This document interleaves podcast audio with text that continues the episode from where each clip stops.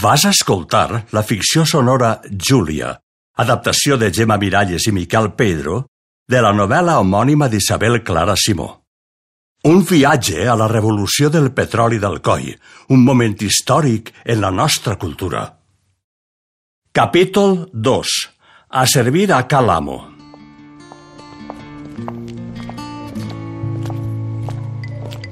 Rafelet, que treballava a les bobinadores, si no feia tort de nit, l'esperava sempre al mateix lloc i l'acompanyava fins al portal. Glòria anava amb ells fins al tou, sense dir ni una paraula en tot el camí, el cap cot de cansament. Rafelet parlava com si estigueren tots dos sols, acostumats al silenci o les cançonetes de Glòria. Nosaltres a fer balletes perquè les dones les trenquen a cops de fregar. El Geperut diu... Blanes diu que l'encarregat ha dit que ens guardarà la plaça després d'anar a servir. Però jo encara hi tinc fe. Al cap i a la fi el pare està impedit, i això és com si la mare fora viuda. I, I no ho dic jo, eh? Que és el pare qui ho diu. A l'hora de portar el pa a casa ve que té raó, i això és el que hauria de comptar, però no sé. No ho sé. El Gepe... Ah! Blanes... Encara somia que faran les lleves voluntàries, però això sí que no m'ho crec. El meu cas és diferent del seu, que té dos germans majors i un pare fort com una carrasca. Però jo, amb Andreuet, pobres. I això que amb 10 anys que té guanya dos quinzets. Espavilat sí que és, però quan me'n vaig, la mare haurà de ser l'escarràs. No sé per què li dieu això. Per què? Això tan lleig que li dieu a Remigi. Geperut? Mm. No, no ho sé. Eh, ve de l'avi, crec, o, o del besavi. Eh, Júlia, i si ens casarem abans? Ja sé que per a tu seria un sacrifici, però seria la salvació de ma casa. No, no, no és que te ho demane, només vull que te ho penses. Pitjor que ara tampoc estaries. Encara falten més de vuit mesos. Ja tindrem temps de parlar-ne. Ta mare és la que em fa por. Si li diem de casar-nos abans de servir, traurà les urpes. Eh, no té urpes, ella. És una manera de parlar, dona. Però es pot saber què et passa? El senyor Rafael, que li ha dit gitana a la mare. I n'has de fer cas? Vinga, dona, no plores. I el pare criminal. Troba-li partisca els morros. Uf, bona nit. Bona nit. És que t'ha marmolat per alguna cosa. No, jo no faig mai res perquè em boneguen. Ni a la fàbrica ni a casa, tu ja ho saps. Però per algun motiu et deu haver insultat. Té mal geni, però és de fiar. Sé que no li ha posat mai una mà damunt a cap obrera ni ho farà mai. I això que és casat. Això diu la mare, també. I aleshores... Per què s'ha ficat amb tu? Això sí que no, Rafelet. Quan ens casem. Per un bes! No has de ser tan exagerada o és que creus que són les altres? I em referisc a les bones xiques. Soc el teu promès. Bona nit. Bona, nit. Així uns mesos podríem estar casats. Però jo sóc diferent. Eres una dona, em sembla. A mi... Eixes coses em fan fàstic. I jo? Et faig fàstic també? Anem, que és molt tard. Contesta'm, Júlia. Sí, quan fas eixes coses em fas fàstic. Més fàstic encara que si fora un altre. Què et passa, Júlia? Ja t'ho he dit, el senyor Rafael li ha dit a la mare gitana i al pare criminal. Júlia, jo... Jo et vull molt. Si vols, ens podem esperar que vinga de servir i que em posen en la secció dels mecànics, que, que m'ho han promès. Guanyaré més i tu no hauràs d'anar a treballar. Més no puc fer. No és això, Rafelet. A més, això voldria dir esperar molt de temps, més de tres anys, i després viurem en l'estretor. Seríem quatre persones i l'Andreuet per a tu sol i... I pot ser... Po pot ser no, segur. Tindrem família, Júlia. Però aleshores Andreuet ja serà un home. El pa a la taula no faltarà. D'això, si no em passa res, me'n faig responsable. Eres un bon xic, Rafelet. Júlia, tu saps com et vull? No tinc un altre pensament que tu, ni, ni, ni cap altra il·lusió que tu. Eres ta- tan bonica, tan neta, tan... Tan, tan, tan, tanta gràcia ta mare no li'n faig. Tens una manera de dir les coses... Ni a ta mare ni a ningú. I saps per què? Que si la mare és gitana, que si bruixa, que si... Què sé jo? No em facis cas, dona. Això són històries de velles. Ah, què en saps tu d'eixes històries de velles? Res, res, dona. Res. Ta mare, ta mare, que havia passat les mans i feia Mm, herbots. No, no, no, no, no, era curandera de jove, però no gitana, ni bruixa. Ufa, xica. Quin humor que gastes. Que són les 10, reconsagrada! I t'has de llevar el brial i les calces! O és que ara viurem de nit, com els mussols? Ara a dormir. Que això és cansament. Mm. Au, Adéu.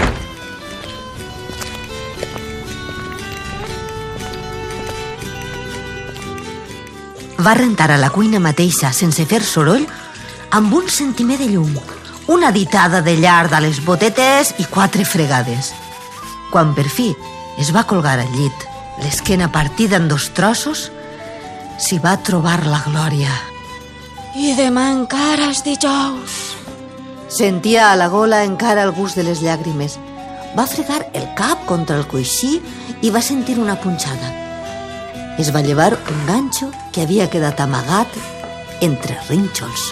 Quina pinta, quina pinta. Què deu haver pensat l'amo tan despentinada que em deu haver vist?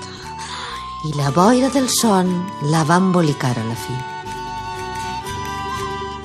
No va gosar l'endemà repetir la gesta de les botetes i del brial, però aquesta vegada es va fer un monyo tan ben aguantat que no li el desfaria ningú. I encara un llacet sota el coll. Era el cinturó de color rosa de la nina que li havien donat les mongetes en un convent d'Alacant quan allò del pare. La nina, la mare, no la va voler. A migdia, el senyor Rafael, que no havia aparegut des de primera hora, va passar tres voltes per davant de Júlia mirant-la de reull i sense badar boca. A les dotze i mitja en punt, es va acostar a ella. Júlia, Diga, senyor Rafael. l'amo vol parlar amb tu. A ella se li va tallar la respiració. Sí, és i ara mateix, m'ha dit que abans del xiulet. Totes les màquines van parar. El senyor Rafael havia parlat baix, però potser per instint havia arribat a orelles de totes. Júlia estava blanca i li tremolaven els polsos. Ara hi vaig.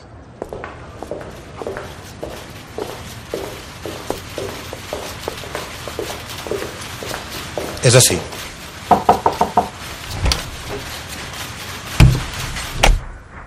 No vol seure? Eh, Que sí, Júlia. Vinga així, a la butaca. No veu que si vostè no seu, jo tampoc puc fer-ho. Ai, perdone, senyoret. Em pensava que seria només un moment. Volia parlar-li, però no s'espante que no esperava negar-la. Tot el contrari. No m'espante. Vostè dirà. És per això d'ahir. No sap com de greu em va saber. Ho lamente molt, senyoret, si el vaig ofendre. No en tenia intenció. Ofendre'm? Tot el contrari. Si l'he cridada ha sigut per a demanar-li perdó jo a vostè. Júlia el va mirar. Recordava quan era xicona que tenia por dels gossos i un dia el pare li va dir Filla, si trobes un gos, para't i mira'l als ulls. No li dones a entendre que eres tu qui el temps, o el gos et pedrà el respecte i aleshores t'atacarà. Júlia mai més no va temer els gossos. Ara li havia vingut el mateix pensament. Va callar i el va mirar als ulls. Estava nerviós. Creuava i descreuava les mans que reposaven sobre l'escriptori i evitava la mirada directa de la xica. Vostè va dir que tenia fred a l'hivern. Ho vaig dir sense mala intenció. No, si té raó, no és això. No em vaig adonar que si estava ja aquell senyor que podia ser un client... Ai, Júlia, no ho entén. Crec que té raó. A l'hivern fa fred. En este despatxet també, eh? No es pense. Opine que va fer ben fet de dir el que pensava. Mai no m'han agradat les persones servils que només perquè un és l'amo no han de parar de complaure't. No, no m'agrada. Ferrandi, sap? El del ferro. Mm -hmm. És d'una altra pasta.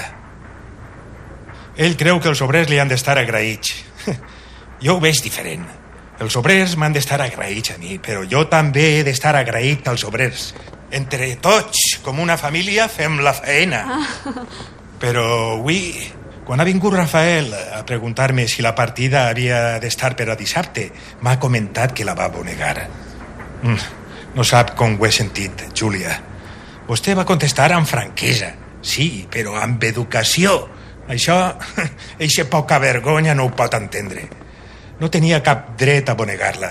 Si algú m'ofèn, ja li ho faré saber jo. No sap vostè com és de difícil trobar encarregats que l'entenguen a un sense necessitat d'explicar-ho tot. He volgut que sabera que l'he canviat de lloc per aquest motiu. S'ha pres unes llibertats eh, que no, no li puc tolerar. Anirà a les selfactines i Josep serà l'encarregat de vostè a les estameres. Això no, senyoret. No, no vull... No voldria que per culpa meua... Això demostra que té vostè bons sentiments. Però ja està fet.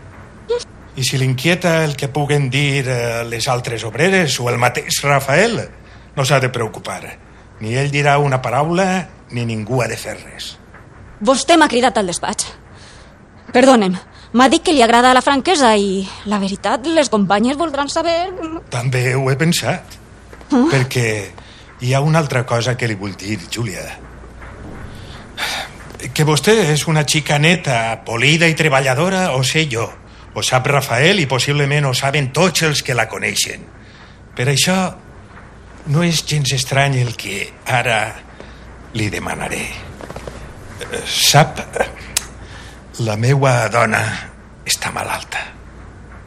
Ho havia sentit dir. No sap com ho lamente. Està molt malalta.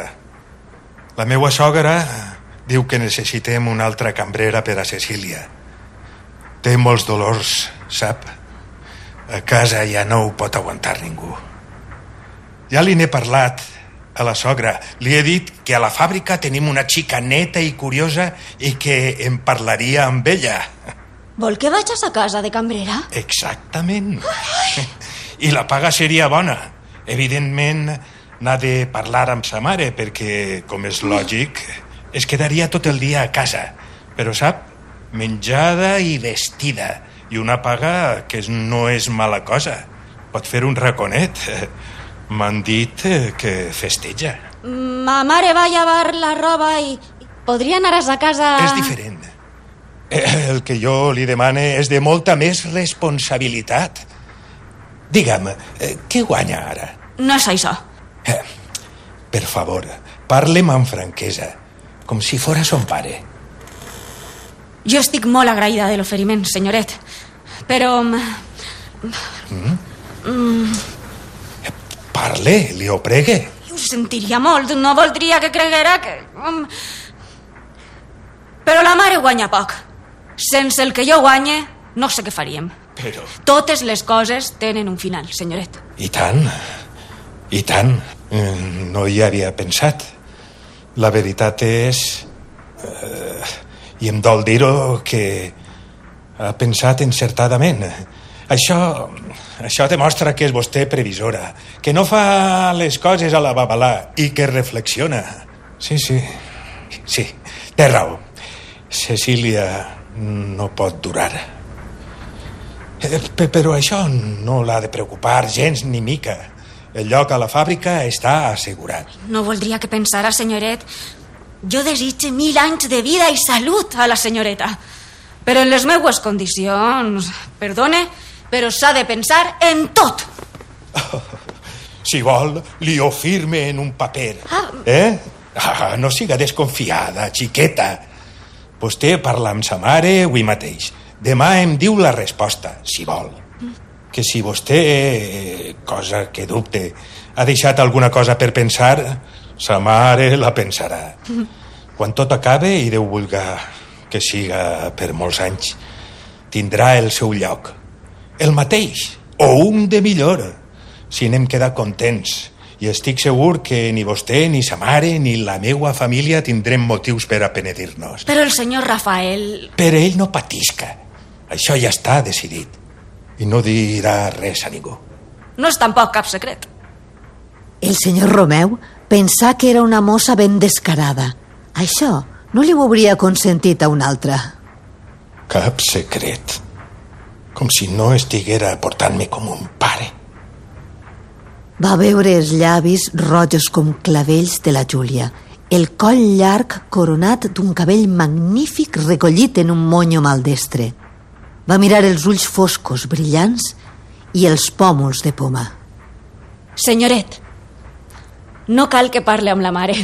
Ella estarà contenta, li ho puc assegurar. Només que no ha servit mai i no sé si... Ah, no es preocupe, que ja n'aprendrà. I a casa no passarà fred, eh? A l'hivern.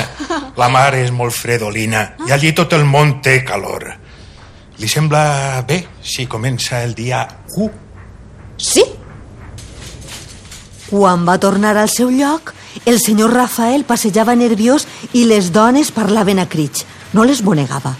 A Júlia la va mirar com si li demanés noves, però no va gosar adreçar-se-li. Apenes posar-se davant del teler, el xiulet es va disparar. Totes la van envoltar i ella somreia fent-se de pregar.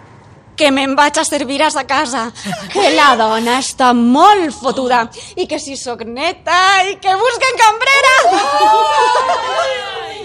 Quina sort! Ja veus. I en quina casa se viuràs, reconsagrada? No t'haurà pessigat. Ah. Això voldries tu. Calla, che, deixa la xica. El bleda de l'amor, vols dir? I ella reia i protestava i contava i xerrava. Si totes esperaven que et despatxara. M'alegre molt, Júlia. Ara sí que podreu estalviar. Ai, Glòria, sí. I Rafelet també estava content. Quan va arribar a casa, la mare estava dormint. Li hauria agradat dir-li-ho, fer sorollets per veure si... Mare, ai, mare. Però no ho va aconseguir i a la fi es va colgar al llit.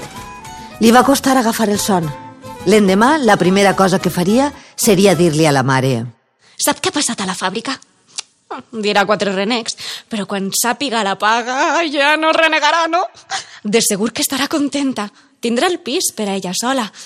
No haurà de beure d'amagat l'aiguardent de fer pastís, ai, ni bollir la llet als matins. Ah, pot ser buscarà un però. El que he de deixar molt clar és que li donaré el mateix que guanyava ara.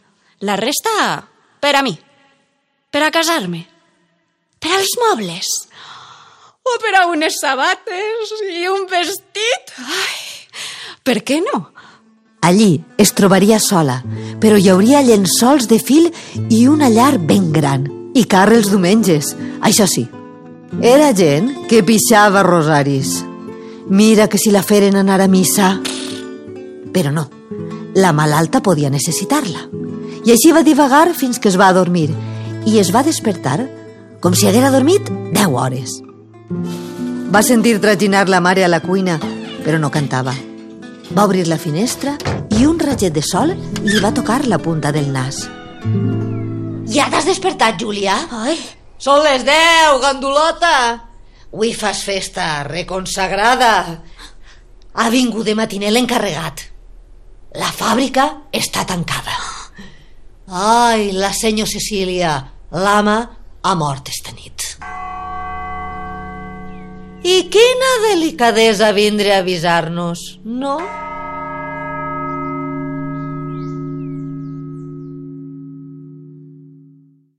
Has escoltat l'adaptació a radioteatre de la novel·la Júlia d'Isabel Clara Simó, una producció de la Dependent amb el suport de la Conselleria de Cultura i Esport, Ajuntament d'Alcoi, Acadèmia Valenciana de la Llengua, Unió Alcoiana Seguros, Ràdio Alcoi i A. Punt.